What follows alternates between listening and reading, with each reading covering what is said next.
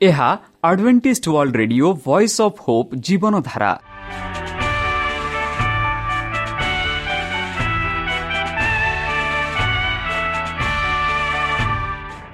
Odia radio କାର୍ଯ୍ୟକ୍ରମ ଯାହା ଆମର ଆନ୍ତର୍ଜାତୀୟ ଆଘାତ କେନ୍ଦ୍ରରୁ ପ୍ରସାରଣ କରାଯାଉଛି ପ୍ରତିଦିନ ରାତି ନଅଟା ତିରିଶ ମିନିଟ୍ରେ। ମୁଁ ସୁବ୍ରତ କୁମାର ପତି ପ୍ରେମର ସହ ଆପଣମାନଙ୍କୁ ଏହି କାର୍ଯ୍ୟକ୍ରମକୁ ସ୍ୱାଗତ କରୁଅଛି। ଚାଲନ୍ତୁ ଆଜିର ତିରିଶ ମିନିଟ୍ର କାର୍ଯ୍ୟକ୍ରମ ବିଷୟରେ ଜାଣିନେବା। ପ୍ରଥମେ ରଖିଛୁ ଆଧ୍ୟାତ୍ମିକ ଭକ୍ତିମୟ ଗୀତ। ଏହାପରେ ଶୁଣିବା ସ୍ୱାସ୍ଥ୍ୟ ବିଷୟରେ ଯାହା ଆମର ଦୈନିକ ଜୀବନରେ ଅତ୍ୟନ୍ତ ଜରୁରୀ। ଆଉ ପରିଶେଷରେ ଶୁଣିବା ପରମେଶ୍ୱରଙ୍କ ଭକ୍ତଙ୍କଠାରୁ ଜୀବନଦାୟକ ଈଶ୍ୱରଙ୍କ ବାକ୍ୟ। ପ୍ରିୟ ଶ୍ରୋତା ତାହେଲେ ଚାଲନ୍ତୁ ଶୁଣିବା ଏକ ଆଧ୍ୟାତ୍ମିକ ଭକ୍ତିମୟ ଗୀତ।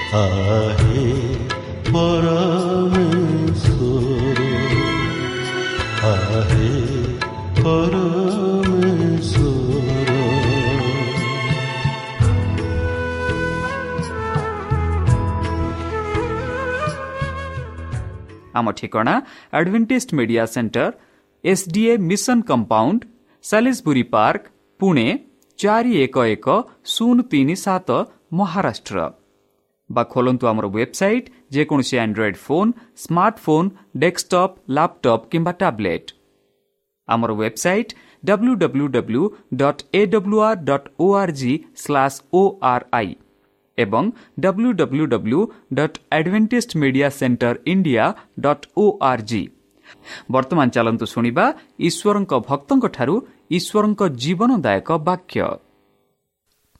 ଖ୍ରୀଷ୍ଟ ନରକକୁ ଗଲେ କି ଭାଗ ଦୁଇ ନମସ୍କାର ପ୍ରିୟ ଶ୍ରୋତା ସେହି ସର୍ବଶକ୍ତି ସର୍ବଜ୍ଞାନୀ ପ୍ରେମର ସାଗର ଦୟାମୟ ଅନ୍ତର୍ଜମୀ ଅନୁଗ୍ରହ ପରମ ପିତାଙ୍କ ମଧୁର ନାମରେ ମୁଁ ପାଷ୍ଟ ପୂର୍ଣ୍ଣଚନ୍ଦ୍ର ଆଉ ଥରେ ଆପଣମାନଙ୍କୁ ଏହି କାର୍ଯ୍ୟକ୍ରମରେ ସ୍ୱାଗତ କରୁଅଛି। ସେହି ସର୍ବଶକ୍ତି ପରମେଶ୍ୱର ଆପଣମାନଙ୍କୁ ଆଶୀର୍ବାଦ କରନ୍ତୁ। ଆପଣଙ୍କୁ ସମସ୍ତ ପ୍ରକାର ଦୁଃଖ କଷ୍ଟ ବାଧା କ୍ଲେଶ ଓ ରୋଗରୁ ଦୂରେଇ ରଖନ୍ତୁ। ଶତ୍ରୁ ସୈତାନ ହସ୍ତରୁ ସେ ଆପଣଙ୍କୁ ସୁରକ୍ଷାରେ ରଖନ୍ତୁ। ତାହାଙ୍କ ପ୍ରେମ ତାହାଙ୍କ ସ୍ନେହ ତାହାଙ୍କ କୃପା ତାହାଙ୍କ ଅନୁଗ୍ରହ ସଦାସର୍ବଦା ଆପଣଙ୍କଠାରେ ସହବର୍ତ୍ତୀ ରହୁ। ପ୍ରିୟସତା ଚାଲନ୍ତୁ ଆଜି ଆମ୍ଭେମାନେ କିଛି ସମୟ ପବିତ୍ର ଶାସ୍ତ୍ର ବାଇବଲଠୁ ତାହାଙ୍କ ଜୀବନଦାୟକ ବାକ୍ୟ ଧ୍ୟାନ କରିବା ଆଜିର ଆଲୋଚନା ହେଉଛି କ'ଣ ଖ୍ରୀଷ୍ଟ ପାତାଳକୁ ଗଲେ କି? ଭାଗ ଦୁଇ। ଆମେ ଏହାର ଭାଗ ଏକ ଗତକାଲି ଆଲୋଚନା କରିସାରିଛୁ। ବନ୍ଧୁ ଚାଲନ୍ତୁ। ଯେପରି ଗତକାଲି ଆମେ ଆଲୋଚନା କରିଥିଲୁ ଖ୍ରୀଷ୍ଟ କେବେ ହେଁ ପାତାଳକୁ ଗଲେନି ବରଂ ପାତାଳରୁ ବିଜୟୀ ହୋଇ ଜୀବନ ପ୍ରାପ୍ତ ହୋଇଛନ୍ତି ଆଉ ସେ ହେଉଛନ୍ତି ଜୀବିତ ଖ୍ରୀଷ୍ଟ ପ୍ରଥମ କରନ୍ତି ପନ୍ଦର ପର୍ବରେ ସାଧୁପାଲ ସ୍ପଷ୍ଟ ରୂପେ ଖ୍ରୀଷ୍ଟଙ୍କର ପୁନରୁତ୍ଥାନ ବିଷୟରେ ଲେଖୁଛନ୍ତି। ଚାଲନ୍ତୁ ତାହା ବିଷୟରେ ଆମେ ପଢ଼ିବା। ସେ କହନ୍ତି ହେ ଭାଇମାନେ ମୁଁ ତୁମମାନଙ୍କ ନିକଟରେ ଯେଉଁ ସୁସମାଚାର ପ୍ରଚାର କରିଥିଲି ଯାହା ତୁମମାନେ ଗ୍ରହଣ କରିଥିଲେ ଜହିଁରେ ମଧ୍ୟ ସ୍ଥିର ହୋଇ ରହିଅଛ। ମୁଁ କେଉଁ ପ୍ରକାରେ ତୁମମାନଙ୍କ ନିକଟରେ ତାହା ପ୍ରଚାର କରିଥିଲି ଏହା ତୁମମାନଙ୍କ ସ୍ମରଣ କରାଉଅଛି ବୋଲି ସାଧୁପାଲ ସେହି କରନ୍ତି ମଣ୍ଡଳୀକୁ ଲେଖୁଅଛନ୍ତି। ସେ କହନ୍ତି ଯଦି ତୁମେମାନେ ତାହା ଦୃଢ଼ ଭାବରେ ଧରିଥାଅ ତେବେ ତାହା ଦ୍ୱାରା ପରିତ୍ରାଣ ପାଇଅଛ ନହେଲେ ତ ତୁମେମାନେ ବ୍ୟର୍ଥରେ ବିଶ୍ୱାସ ହୋଇଥିଲ ବୋଲି ସାଧୁ ପାଉଲ କରନ୍ତି ମଣ୍ଡଳୀକୁ ଲେଖନ୍ତି ଲେଖୁଅଛନ୍ତି ସେ କହନ୍ତି କାରଣ ଯେଉଁ ଯେଉଁ ଶିକ୍ଷା ମୁଁ ପାଇଥିଲି ସେଥିମଧ୍ୟରୁ ଏହି ପ୍ରଧାନ ଶିକ୍ଷା ତାହା ତୁମମାନଙ୍କୁ ପ୍ରଦାନ କରିଥିଲି ଯଥା ଖ୍ରୀଷ୍ଟ ଶାସ୍ତ୍ର ଅନୁସାରେ ଆମମାନଙ୍କ ପାପ ନିମନ୍ତେ ମୃତ୍ୟୁ ଭୋଗ କଲେ। ବନ୍ଧୁ ମନେ ରଖନ୍ତୁ ଖ୍ରୀଷ୍ଟ ଶାସ୍ତ୍ର ଅନୁସାରେ ଆମମାନଙ୍କ ପାପ ନିମନ୍ତେ ମୃତ୍ୟୁ ଭୋଗ କଲେ। ସମାଧି ପ୍ରାପ୍ତ ହେଲେ ଶାସ୍ତ୍ର ଅନୁସାରେ ତୃତୀୟ ଦିବସରେ ଉଦ୍ବୃତ୍ତ ହେଲେ ସେ କେଫାଙ୍କୁ ଆଉ ତାହାପରେ ଦାସତ୍ୱଙ୍କୁ ଦର୍ଶନ ଦେଲେ ଏହା ଉତ୍ତରେ ଏକାଥରେ ପାଞ୍ଚଶହ ଠାରୁ ଅଧିକ ଭାଇମାନଙ୍କୁ ଦର୍ଶନ ଦେଲେ ସେମାନଙ୍କ ମଧ୍ୟରୁ ଅଧିକାଂଶ ଆଜି ପର୍ଯ୍ୟନ୍ତ ଜୀବିତ ଅଛନ୍ତି କିନ୍ତୁ କେହି କେହି ମହାନିଦ୍ର ପ୍ରାପ୍ତ ହୋଇଅଛନ୍ତି କେଡ଼େ ସୁନ୍ଦର ଭାବରେ ସାଧୁ ପାଉଲ କରନ୍ତି ମଣ୍ଡଳୀକୁ ମନେ କରାଉଛନ୍ତି କି ଯେବେ ଯୀଶୁଖ୍ରୀଷ୍ଟ ପୁନରୁଚିତ ହେଇଥିଲେ ଅଧିକରୁ ଅଧିକ ଲୋକେ ଯୀଶୁଖ୍ରୀଷ୍ଟଙ୍କୁ ସାକ୍ଷାତ ହୋଇଥିଲେ। ସେ କହନ୍ତି ତତ୍ପରେ ଯେ ଜାକୁବଙ୍କୁ ଆଉ ପରେ ସମସ୍ତ ପୀଡ଼ିତଙ୍କୁ ଦର୍ଶନ ଦେଲେ ବୋଲି ସେ କହୁଅଛନ୍ତି। ଅବଶେଷରେ ଅକାଳ ଜାତ ପରି ଜଣେ ଯେ ମୁଁ ଯେ ମୋତେ ମଧ୍ୟ ଦର୍ଶନ ଦେଲେ ବୋଲି ସାଧୁ ପାଉଲ ସେହି କରନ୍ତି ମଣ୍ଡଳୀକୁ କହୁଅଛି। କାରଣ ଈଶ୍ୱରଙ୍କ ମଣ୍ଡଳୀକୁ ତାଡ଼ନା କରୁଥିବା ପ୍ରେରିତମାନଙ୍କ ମଧ୍ୟରେ ମୁଁ କ୍ଷୁଦ୍ରତମ ଥିଲି।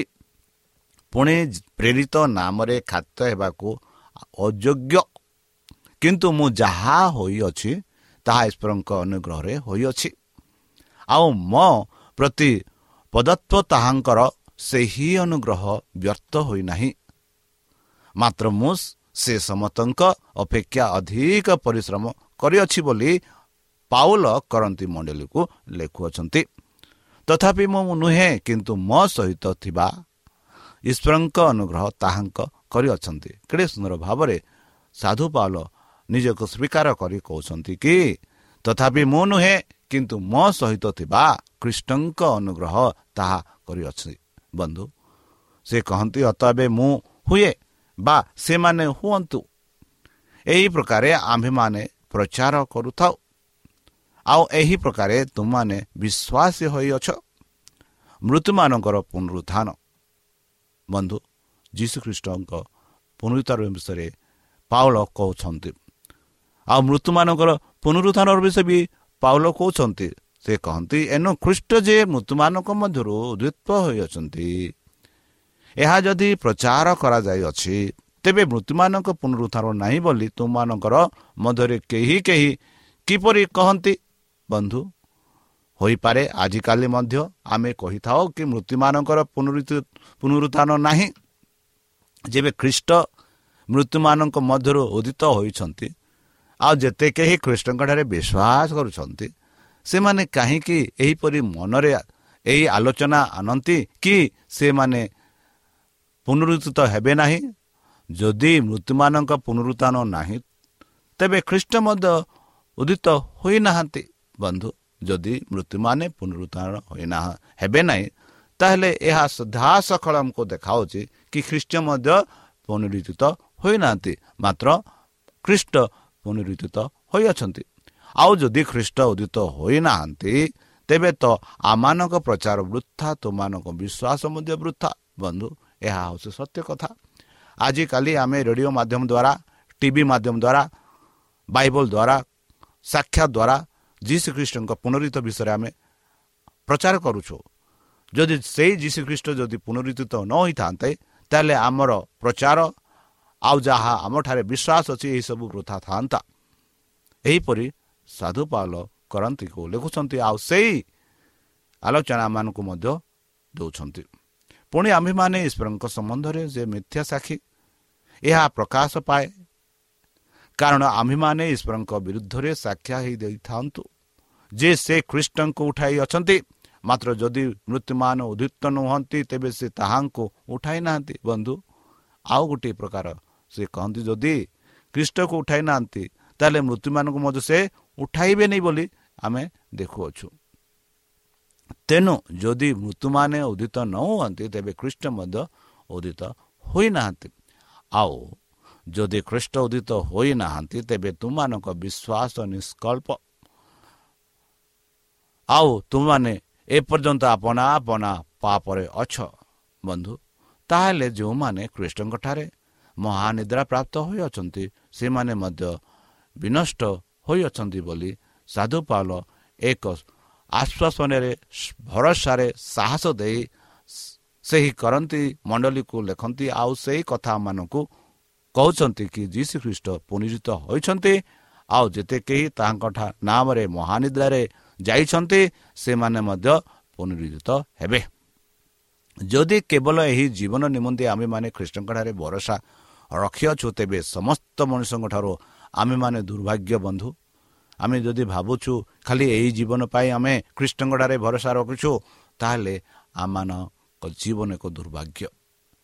ଯେହେତୁ ଆମେ ଖ୍ରୀଷ୍ଟ ପୁନରୁତ ହୋଇଛୁ ବୋଲି ଆମେ ବିଶ୍ୱାସ କରୁନୁ ତେବେ ଏହା ଆମର ଦୁର୍ଭାଗ୍ୟ। କିନ୍ତୁ ପ୍ରକୃତରେ ଖ୍ରୀଷ୍ଟ ମହାନିଦ୍ର ପ୍ରାପ୍ତ ଲୋକମାନଙ୍କ ପ୍ରଥମ ଫଳ ସ୍ୱରୂପେ ମୃତ୍ୟୁମାନଙ୍କ ମଧ୍ୟରୁ ଉଦ୍ଦିତ ହୋଇଅଛନ୍ତି ବନ୍ଧୁ। ଯେବେ ଯୀଶୁ ଖ୍ରୀଷ୍ଟ ସେହି ପୁନରୁତ୍ଥାନ ସମୟରେ ଉଠିଲେ ସେହି ସମୟରେ ଯେତେ ଲୋକ ତାଙ୍କ ସହ ପୁନରୁଦ୍ଧିତ ହୋଇଥିଲେ ସେମାନଙ୍କୁ ପରମେଶ୍ୱରଙ୍କ ଠାରେ ଏକ ପ୍ରଥମ ଫଳ ସ୍ୱରୂପେ ପ୍ରଦାନ କରିଥିଲେ। କାରଣ ମଣିଷ ଦ୍ୱାରା ମୃତ୍ୟୁ ଉପସ୍ଥିତ ହୋଇଥିବାରୁ ମଣିଷ ଦ୍ୱାରା ମଧ୍ୟ ମୃତ୍ୟୁମାନଙ୍କ ପୁନରୁତ୍ଥାନ ଉପସ୍ଥିତ ହୋଇଅଛି। ବନ୍ଧୁ ମଣିଷ ଯେବେ ପାପ କଲା ସେ ମଣିଷ ମୃତ୍ୟୁକୁ ଆଣିଲା। ଆଉ ସେଇ ମଣିଷ ହିଁ ସେ ମୃତ୍ୟୁକୁ ବିଜୟ କରି ପୁନରୁତ୍ଥାନ ହୋଇଅଛି ବୋଲି ଆମେ ଦେଖୁଅଛୁ। ଯେଣୁ ଆଦମ ଦ୍ୱାରା ଯେପରି ସମସ୍ତେ ମୃତ୍ୟୁଭୋଗ କରନ୍ତି ସେହିପରି ମଧ୍ୟ ଖ୍ରୀଷ୍ଟ ଦ୍ୱାରା ସମସ୍ତେ ସଜୀବ ହେବେ। ବନ୍ଧୁ ଆଦମ ଦ୍ୱାରା ସମସ୍ତେ ମୃତ୍ୟୁ ହୋଇଛନ୍ତି। ଆଉ ଖ୍ରୀଷ୍ଟକୁ ଯେଉଁମାନେ ବିଶ୍ୱାସ କରନ୍ତି ସେମାନେ ଖ୍ରୀଷ୍ଟଙ୍କ ଦ୍ୱାରା ସମସ୍ତେ ସଜୀବ ହେବେ ବୋଲି ସାଧୁ ପାଉଲ କରନ୍ତି ମଣ୍ଡଳୀକୁ କହୁଛନ୍ତି। ଆଉ ସେଇ କଥା ଆମମାନଙ୍କୁ ବି କହୁଅଛନ୍ତି। କିନ୍ତୁ ପ୍ରତ୍ୟେକ ଜଣ ଆପଣା ଆପଣା ଶ୍ରେଣୀରେ ପ୍ରଥମ ଫଳ ସ୍ୱରୂପ ଖ୍ରୀଷ୍ଟ ପରେ ଖ୍ରୀଷ୍ଟଙ୍କ ଆଗମନ ସମୟରେ ତାହାଙ୍କ ଆଶ୍ରିତମାନେ ତତ୍ପରେ ଯୁଗା ଉପସ୍ଥିତ ହେବ। ସେ ସମୟରେ ସେ ସମସ୍ତ କର୍ତ୍ତାପଣ ସମସ୍ତ କ୍ଷମତା ଓ ଶକ୍ତି ଲୋପ କଲା ଉତ୍ତାରେ ପିତା ଈଶ୍ୱରଙ୍କୁ ରାଜତ୍ୱ ସମର୍ପଣ କରିବେ। କାରଣ ସେ ସମସ୍ତ ଶତ୍ରୁଙ୍କୁ ନିଜର ପାଦ ତଳେ ନ ରଖିବା ପର୍ଯ୍ୟନ୍ତ ତାହାଙ୍କୁ ଅବଶ୍ୟ ରାଜତ୍ୱ କରିବାକୁ ଦେବେ। ବନ୍ଧୁ ଶେଷ ଶତ୍ରୁ ସ୍ୱରୂପେ ମୃତ୍ୟୁକୁ ଲୋପ କରାଯିବ। କାରଣ ସେ ସମସ୍ତ ବିଷୟ ତାହାଙ୍କ ପାଦ ତଳେ ବଶୀଭୂତ କଲେ ବନ୍ଧୁ। ସେତେବେଳେ ସେ କହନ୍ତି ସମସ୍ତ ବିଷୟ ବଶୀଭୂତ କରାଯାଇଅଛି। ଏହା ସ୍ପଷ୍ଟ ସମସ୍ତ ବିଷୟ ଯେ ତାହାଙ୍କର ବଶୀଭୂତ ତଳେ ସେ ସେହି ସବୁର ଅନ୍ତର୍ଗତ ନୁହନ୍ତି। ଆଉ ସମସ୍ତ ବିଷୟ ପୁତ୍ରଙ୍କ ବଶୀଭୂତ କରାଗଲା। ଉତ୍ତରେ ସେ ସମସ୍ତ ବିଷୟ ତାହାଙ୍କର ବଶୀଭୂତ କଲେ। ସ୍ୱୟଂ ପୁତ୍ର ମଧ୍ୟ ତାହାଙ୍କର ବଶୀଭୂତ ହେବେ ଯେପରି ଈଶ୍ୱର ସର୍ବସର୍ବା ହୁଅନ୍ତି। ତୁମମାନଙ୍କ ଉଦ୍ୟାନ ନ ହେଲେ ସେମାନେ ମୃତ୍ୟୁମାନଙ୍କ ନିମନ୍ତେ ବାପ୍ଟିଜିତ ହୁଅନ୍ତି। ସେମାନେ କ'ଣ କରିବେ? ଯଦି ବାପ୍ଟିଜିତ ହୁଅନ୍ତି ଆମ୍ଭେମାନେ ମଧ୍ୟ କାହିଁକି ପ୍ରତ୍ୟେକ ଦଣ୍ଡରେ ବିପଦରେ ସମ୍ମୁଖୀନ ହେଉ? ପାଉଲ କହନ୍ତି ବନ୍ଧୁ ହେ ଭାଇମାନେ ଆମମାନଙ୍କ ପ୍ରଭୁ ଖ୍ରୀଷ୍ଟ ଯୀଶୁଙ୍କଠାରେ ତୁମମାନଙ୍କ ବିଷୟରେ ମୁଁ ଯେଉଁ ଦର୍ପଣ ଦର୍ପ କରିଥାଏ ସେଥିରେ ଶପଥ କରି କୁହନ୍ତି ମୁଁ ପ୍ରତିଦିନ ମୃତ୍ୟୁ ଭୋଗ କରୁଅଛି। ଦେଖନ୍ତୁ ବନ୍ଧୁ ପ୍ରତିଦିନ ମୃତ୍ୟୁ ଭୋଗ କରୁଅଛି ବୋଲି ପାଉଲ କହନ୍ତି। ଯଦି ଲୋକାଚାର ଅନୁସାରେ ମୁଁ ଏଫିସରେ ବନ୍ୟ ପଶୁମାନଙ୍କ ସହିତ ଯୁଦ୍ଧ କରିଅଛି ତେବେ ସେଥିରେ ମୋହର ଲାଭ କ'ଣ? ଯଦି ମୃତ୍ୟୁମାନେ ଉଦିତ ନ ହୁଅନ୍ତି ତେବେ ଆସ ଆମ୍ଭେମାନେ ଭୋଜନ ପାନ କରୁ କାରଣ ବୋଲି ଆମ୍ଭେମାନେ ମରିବା। ଦେଖନ୍ତୁ ବନ୍ଧୁ ଯଦି ମୃତ୍ୟୁ ଅଛି ତାହେଲେ ମୃତ୍ୟୁ ପାଇଁ ଯଦି ଆମେ ଜୀବିତ ରହିଛୁ ତାହେଲେ କ'ଣ ଲାଭ ଯେ? ଚାଲନ୍ତୁ ଆମେ ଭୋଜ ପାନ କରି କାରଣ ଆମେ ଜାଣୁନାହୁଁ ଦିନେ ବା ଦିନେ ମରିବା ବୋଲି। ଏହି ଭାବନାରେ ଆମେ କହିପାରିବା ମାତ୍ର ଯୀଶୁ ଖ୍ରୀଷ୍ଟ ଜୀବିତ ହୋଇଛନ୍ତି। ଆମେ ଜୀବିତ ଈଶ୍ୱରଙ୍କୁ ପୂଜା କରୁଛୁ। ସେ କହନ୍ତି ଭ୍ରାନ୍ତ ନ ହୁଅ। କୁସଂଘର୍ଗ ଶିଷ୍ଟାଚାର ନଷ୍ଟ କଲେ। ଯଥାର୍ଥ ରୂପେ ଜାଗ୍ରତ ହୁଅ। ସେ କହନ୍ତି ଯଥାର୍ଥ ରୂପେ ତୁମେ ଜାଗ୍ରତ ରୁହ। ପାପ କର ନାହିଁ। କାରଣ କାହାରି କାହାରି ଈଶ୍ୱରଙ୍କ ବିଷୟରେ ଜ୍ଞାନ ନାହିଁ। ମୁଁ ତୁମମାନଙ୍କ ଲଜ୍ଜା ନିମନ୍ତେ ଏହି କଥା କହୁଅଛି। ବନ୍ଧୁ ପରମେଶ୍ୱରଙ୍କ ବାକ୍ୟ ଏତେ ସୁନ୍ଦର ଭାବରେ ବୁଝାଇ କହୁଛନ୍ତି ସେଇ କରନ୍ତି ମଣ୍ଡଳୀକୁ ଆଉ ସେଇ କଥା ଆମମାନଙ୍କ ପାଖକୁ ବି ଆସୁଅଛି। ଆମେ ଏକ ପୁନରୁତ ଶରୀରେ ଶରୀର ରୂପେ ଉଠିବା। ସେ କହନ୍ତି କିନ୍ତୁ କେହି କହିବ ମୃତ୍ୟୁମାନେ କିପରି ଉଦିତ ହୁଅନ୍ତି? କି ପ୍ରକାର ଶରୀରରେ ସେମାନେ ଆସନ୍ତି? ବନ୍ଧୁ ଆମେ ଆଜିକାଲି କହୁ ମୃତ୍ୟୁ ଲୋକ ମରିଗଲେ ସେମାନେ ଭୂତ ହୋଇ ଆସିବେ। ଆଉ ଭୂତର ଶରୀର ନାହିଁ କି ମାଂସ ନାହିଁ ବୋଲି କହୁ। ମାତ୍ର ଏଠି ଆମେ ପାଉଛୁ। ଯେତେବେଳେ ଆମେ ଜି ଉଠିବା ବା ପୁନରୁତ୍ଥାନ ହେବା ସେତେବେଳେ ଆମ ଶରୀର ଯେମିତି ଥିଲା ସେହିପରି ଶରୀର ଥିବ। ଖାଲି ଆମ ଆଲୋଚନା ଭାବନା ଭିନ୍ନ ଥିବ। ହେ ନିର୍ଭୋଧ ତୁମ୍ଭେ ନିଜେ ଯାହା ବୁଣ ତାହା ନ ମଲେ ସଜୀବ ହୁଏ ନାହିଁ। ବନ୍ଧୁ ଯଦି ଆମେ ଗୋଟିଏ ବିହନକୁ ବୁଣୁ ଆଉ ସେ ବିହନ ଯଦି ନ ମଲେ ସେ ବିହନରୁ ଗଛ ଆସିବ ନାହିଁ। ଆଉ ଯେଉଁ ଶରୀର ଦେହ ତାହା ତୁମେ ବୁଣ ନାହଁ କିନ୍ତୁ ଗହମ ହେଉ ବା ଅନ୍ୟ କୌଣସି ଶସ୍ୟ ହେଉ ତାହା କେବଳ ଦାନା ମାତ୍ର। କିନ୍ତୁ ଈଶ୍ୱର ଆପଣା ଇଚ୍ଛା ଅନୁସାରେ ତାହାଙ୍କୁ ଶରୀର ଦିଅନ୍ତି। ଆଉ ସମସ୍ତ ଜୀବ ମଧ୍ୟରୁ ପ୍ରତ୍ୟେକକୁ ତାହାରି ନିଜ ଶରୀର ଦିଅନ୍ତି। ବନ୍ଧୁ ମନେ ରଖନ୍ତୁ ସମସ୍ତ ଜୀବ ମଧ୍ୟରୁ ପ୍ରତ୍ୟେକକୁ ତାହାର ନିଜ ଶରୀର ଦିଅନ୍ତି ଯେତେବେଳେ ସେମାନେ ଜି ଉଠିବେ। ଯେବେ ଯୀଶୁ ଖ୍ରୀଷ୍ଟ ଦ୍ୱିତୀୟ ଥର ଆସିବେ ସେତେବେଳେ ଯେତେବେଳେ ସେମାନେ ଜି ଉଠିବେ ସେମାନଙ୍କୁ ତାହାଙ୍କ ନିଜ ଶରୀର ଦେବେ ବୋଲି ଆମେ ପାଉଅଛୁ। ସମସ୍ତ ଶରୀର ଏକ ପ୍ରକାର ଶରୀର ନୁହେଁ। ମାତ୍ର ମଣିଷମାନଙ୍କ ଏକ ପ୍ରକାର ଶରୀର ପଶୁମାନଙ୍କ ଅନ୍ୟ ପ୍ରକାର ଶରୀର ପୁଣି ପକ୍ଷୀମାନଙ୍କ ଆଉ ଏକ ପ୍ରକାର ଶରୀର ଓ ମାଛମାନଙ୍କ ଅନ୍ୟ ପ୍ରକାର ଶରୀର ମାନେ ବିଭିନ୍ନ ଜୀବର ବିଭିନ୍ନ ପ୍ରକାର ଶରୀର ଅଛି। ଆକାଶସ୍ଥ ଶରୀର ଅଛି ପୃଥିବୀସ୍ଥ ଶରୀର ମଧ୍ୟ କି ଅଛି? କିନ୍ତୁ ଆକାଶସ୍ଥ ଶରୀରର ଏକ ପ୍ରକାର ତେଜ ଆଉ ପୃଥିବୀସ୍ଥ ଶରୀର ଅନ୍ୟ ପ୍ରକାର ତେଜ। ଆକାଶସ୍ଥ ଶରୀର ଏକ ପ୍ରକାର ତେଜ। ଆଉ ପୃଥିବୀସ୍ଥ ଶରୀର ଅନ୍ୟ ପ୍ରକାର ତେଜ। ଏହା ଆମେ ଫରକ ଦେଖୁଅଛୁ। ସୂର୍ଯ୍ୟର ଏକ ପ୍ରକାର ତେଜ ଚନ୍ଦ୍ରର ଅନ୍ୟ ପ୍ରକାର ତେଜ ଓ ନକ୍ଷ ନକ୍ଷତ୍ରମାନଙ୍କର ଅନ୍ୟ ପ୍ରକାର ତେଜ। କାରଣ ତେଜରେ ଗୋଟିଏ ନକ୍ଷତ୍ର ଅନ୍ୟ ନକ୍ଷତ୍ରର ଭିନ୍ନ। ତୁମାନଙ୍କର ପୁନରୁତ୍ଥାନ ମଧ୍ୟ ସେହି ପ୍ରକାର। କ୍ଷୟରେ ବୁଣାଯାଅ ଅକ୍ଷୟ ହୋଇ ଉଦିତ ହୁଅ। ଅନାଦରେ ବୁଣାଯାଅ ଗୌରବାନ୍ୱତ ହୋଇ ଉଦିତ ହୁଅ ଦୁର୍ବଳତାରେ ବୁଣାଯାଅ ସବଳ ହୋଇ ଉଦିତ ହୁଅ କେଡ଼େ ସୁନ୍ଦର ଭାବରେ କହୁଛନ୍ତି ମୁଁ ଆଉ ଥରେ ଏଇ ପଦଟା ପଢ଼ିବାକୁ ଯାଉଛି ବନ୍ଧୁ। ମୃତ୍ୟୁମାନଙ୍କ ପୁନରୁତ୍ଥାନ ମଧ୍ୟ ସେହି ପ୍ରକାର। କ୍ଷୟରେ ବୁଣାଯାଏ ଅକ୍ଷୟରେ ହୋଇ ଉଦିତ ହୁଏ। ଅନାଦରେ ବୁଣାଯାଏ ଗୌରବାନ୍ୱିତ ହୋଇ ଉଦିତ ହୁଏ। ଦୁର୍ବଳତାରେ ବୁଣାଯାଏ ସବଳ ହୋଇ ଉଦିତ ହୁଏ ବନ୍ଧୁ। ପ୍ରାକୃତିକ ଶରୀର ବୁଣାଯାଏ ଆତ୍ମିକ ଶରୀର ଉଦିତ ହୁଏ।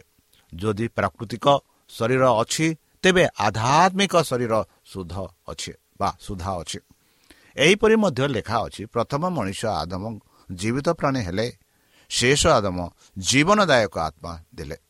ବନ୍ଧୁ ପ୍ରଥମ ମଣିଷ ଜୀବିତ ପ୍ରାଣୀ ହେଲେ ମାତ୍ର ଶେଷ ଆଦମ ଜୀବନଦାୟକ ଆତ୍ମା ହେଲେ ବୋଲି ଆମେ ଦେଖୁଅଛୁ ମାତ୍ର ଯାହା ଆଧ୍ୟାତ୍ମିକ ତାହା ପ୍ରଥମ ନୁହେଁ କିନ୍ତୁ ଯାହା ପ୍ରାକୃତିକ ତାହା ପ୍ରଥମ ପରେ ଆଧ୍ୟାତ୍ମିକ ପ୍ରଥମ ମନୁଷ୍ୟ ପାର୍ଥିବ ମୂର୍ତ୍ତିକାରେ ନିର୍ମିତ ଦ୍ୱିତୀୟ ମନୁଷ୍ୟ ସ୍ୱର୍ଗରେ ଆଘାତ ଯେଉଁମାନେ ମୃତ୍ତିକାରେ ନିର୍ମିତ ସେମାନେ ମୃତ୍ତିକାରେ ନିର୍ମିତ ସେହି ମଣିଷ ତୁଲ୍ୟ ପୁଣି ଯେଉଁମାନେ ସ୍ୱର୍ଗୀୟ ସେମାନେ ସ୍ୱର୍ଗରୁ ଆଘାତ ସେହି ବ୍ୟକ୍ତି ତୁଲ୍ୟ।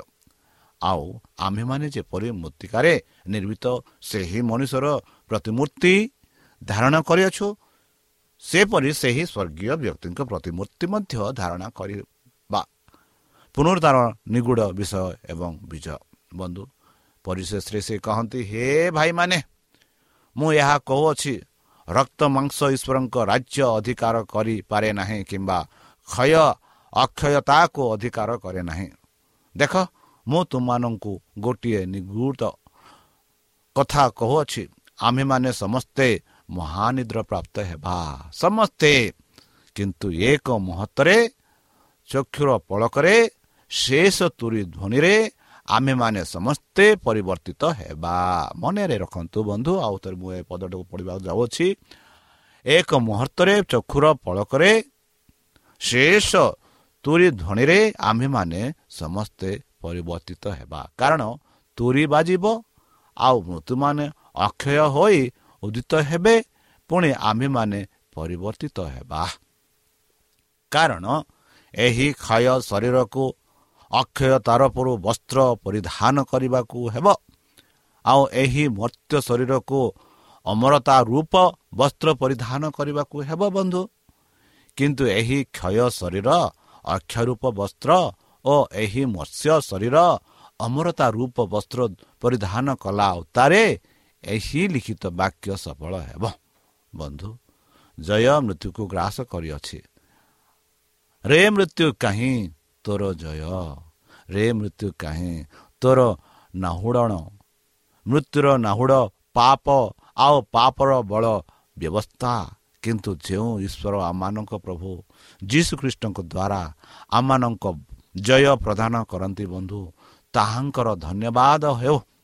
ଅତ ହେବେ ହେ ମୋର ପ୍ରିୟ ଭାଇମାନେ ପ୍ରଭୁଙ୍କ ସେବାରେ ତୁମମାନଙ୍କର ପରିଶ୍ରମ ନିଷ୍କଳ ନ ନୁହେଁ। ଏହା ଜାଣି ପ୍ରଭୁଙ୍କ କାର୍ଯ୍ୟରେ ତୁତିର ଓ ଅଟଳ ରହି ସର୍ବଦା ଅଧିକରୁ ଅଧିକତା ଜନିବାନ ହୁଅ। ବନ୍ଧୁ ଏହିପରି ସାଧୁପାଳ ସେହି କରନ୍ତି ମଣ୍ଡଳକୁ ମଣ୍ଡଳୀକୁ ଲେଖୁଛନ୍ତି। ବନ୍ଧୁ ସେ କହନ୍ତି କାରଣ ଯେଉଁ ଯେଉଁ ଶିକ୍ଷା ମୁଁ ପାଇଥିଲି ସେଥିମଧ୍ୟରୁ ଏହି ପ୍ରଧାନ ଶିକ୍ଷା ତୁମାନଙ୍କୁ ପ୍ରଦାନ କରିଥିଲି ଯଥା ଖ୍ରୀଷ୍ଟ ଶାସ୍ତ୍ର ଅନୁସାରେ ଆମମାନଙ୍କ ପାପ ନିମନ୍ତେ ମୃତ୍ୟୁଭୋଗ କଲେ।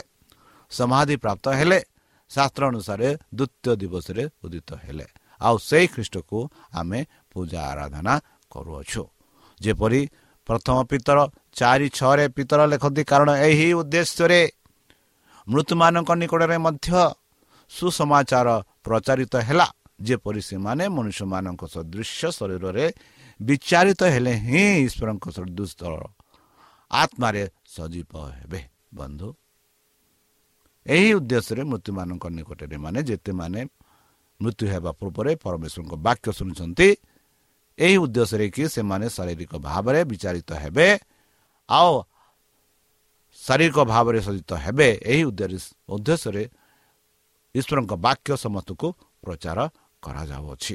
ବନ୍ଧୁ ପ୍ରଥମ ପିତର ତିନି ଉଣେଇଶ କୋଡ଼ିଏରେ ସେଥିରେ ମଧ୍ୟ ସେ ବନ୍ଧୀ ଆତ୍ମାମାନଙ୍କ ନିକଟକୁ ଯାଇ ପ୍ରଚାର କଲେ।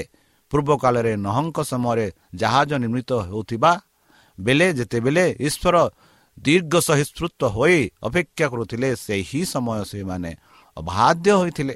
ସେହି ଜାହାଜରେ ପ୍ରବେଶ କରି ଅଳ୍ପ ଲୋକ ଅର୍ଥାତ୍ ଆଠ ପ୍ରାଣୀ ଜଳ ମଧ୍ୟ ଦେଇ ରକ୍ଷା ପାଇଲେ। ମନେ ରଖନ୍ତୁ ବନ୍ଧୁ ସେହି ଜଳପ୍ଲାବନରେ ସେହି ସମୟରେ ସେହି ସଂସାର ଲୋକ ସେହି ସମୟର ଲୋକ ସମସ୍ତେ ବିନଷ୍ଟ ହୋଇଗଲେ ଯେହେତୁ ସେମାନେ ଖ୍ରୀଷ୍ଟଙ୍କଠାରେ ବିଶ୍ୱାସ କଲେ ନାହିଁ।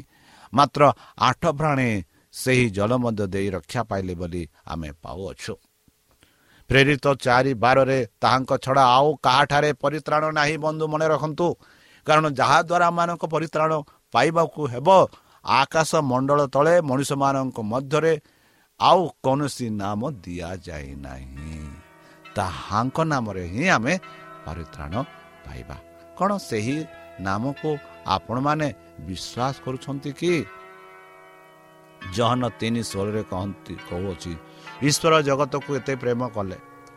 ଆଉ ଯେ କେହି ତାଙ୍କ ନାମକୁ ପ୍ରେମ କରନ୍ତି ବିଶ୍ୱାସ କରନ୍ତି ଆଉ ସେମାନଙ୍କୁ ଅନନ୍ତ ଜୀବନ ଦେବେ ବୋଲି ପବିତ୍ର ଶାସ୍ତ୍ର ବାଇବଲ କହୁଅଛି। ତାହେଲେ ପ୍ରିୟସତା ଚାଲନ୍ତୁ। ସେହି ଯୀଶୁଖ୍ରୀଷ୍ଟ ଯିଏକି ଏମାନଙ୍କ ପାଇଁ ମୃତ୍ୟୁ ହେଲେ ଆଉ ପୁନରୁଚିତ ହୋଇଛନ୍ତି ବର୍ତ୍ତମାନ ସ୍ୱର୍ଗକୁ ସ୍ୱର୍ଗରେ ଅଛନ୍ତି। ଆଉ ସେ ଆମମାନଙ୍କୁ ଆଶ୍ୱାସନା ଦେଉଛନ୍ତି ଯେହେତୁ ସେ ଜୀବିତ ଆମମାନେ ବି ଜୀବିତ ହେବା। ତାହେଲେ ଚାଲନ୍ତୁ ସେହି ଜୀବିତ ଈଶ୍ୱରଙ୍କଠାରେ ବିଶ୍ୱାସ କରି ତାହାଙ୍କ ମଧୁର ନାମରେ ଆମେ ପ୍ରାର୍ଥନା ଉତ୍ସର୍ଗ କରିବା। ହେ ଆମମାନଙ୍କ ସର୍ବଶକ୍ତି ସର୍ବଜ୍ଞାନୀ ପ୍ରେମର ସାଗର ଦୟାମୟ ଅନ୍ତର୍ଜମୀ ଅନୁଗ୍ରହ ପରମ ପିତା। ଧନ୍ୟବାଦ ଅର୍ପଣ କରୁଛୁ ପ୍ରଭୁ ବର୍ତ୍ତମାନ ଯେଉଁ ବାକ୍ୟ ତୁମ ଭକ୍ତମାନଙ୍କୁ ଶୁଣିଲେ ସେହି ବାକ୍ୟ ଅନୁସାରେ ଏମାନଙ୍କୁ ଚାଲିବା ପାଇଁ ବୁଦ୍ଧିରେ ଜ୍ଞାନରେ ଶକ୍ତିରେ ପରିପୂର୍ଣ୍ଣ କର। ଆମ ପାପ ସବୁ ତୁମ ସେହି ବହୁମୂଲ୍ୟ ରକ୍ତରେ ପରିଷ୍କାର ରୂପେ ଧୋଇଦିଅ। ଆଉ ପରିଶେଷ ଯେବେ ତୁମେ ତୁମ ସେହି ସହସ୍ର ଦୂତଙ୍କ ସହ ଆସିବେ ସେତେବେଳେ ଆମମାନଙ୍କୁ ଏକ ବାସସ୍ଥାନ ଦିଅ ବୋଲି ତ୍ରାଣକର୍ତ୍ତା ପ୍ରଭୁ ଯୀଶୁଙ୍କ ମଧୁରମୟ ନାମରେ ଏହି ଛୋଟ ବିକ୍ଷମ ଅଛି ଶୁଣି ଗ୍ରହଣ କର। ଆମେନ୍। ଶ୍ରୋତା ଆମେ ଆଶା କରୁଛୁ ଯେ ଆମର କାର୍ଯ୍ୟକ୍ରମ ଆପଣମାନଙ୍କୁ ପସନ୍ଦ ଲାଗୁଥିବ। ଆପଣଙ୍କର ମତାମତ ଜଣାଇବା ପାଇଁ ଆମର ଏହି ଠିକଣାରେ ଯୋଗାଯୋଗ କରନ୍ତୁ ଆମ ଠିକଣା Adventist media centre SDA mission compound Salisbury park Pune ଚାରି ଏକ ଏକ ଶୂନ ତିନି ସାତ ମହାରାଷ୍ଟ୍ର ବା ଖୋଲନ୍ତୁ ଆମର ୱେବସାଇଟ୍ ଯେକୌଣସି android phone smartphone desktop laptop କିମ୍ବା ଟ୍ୟାବ୍ଲେଟ୍ ଆମର website W W W dot A W R dot O R G slash O R I ଏବଂ W W W dot Adventist media centre India dot O R G Adventist media centre ଇଣ୍ଡିଆର spelling ହେଉଛି A D V E N T I S T M E D I A C E N T R E I N D I A ଅଥବା download କରନ୍ତୁ ଆମର mobile app ଆପଣଙ୍କର mobile play ଷ୍ଟୋରକୁ ଯାଆନ୍ତୁ ଆଉ type କରନ୍ତୁ the voice of Hope ଆଉ download କରନ୍ତୁ। ईश्वर आपणको आशीर्वाद धन्यवाद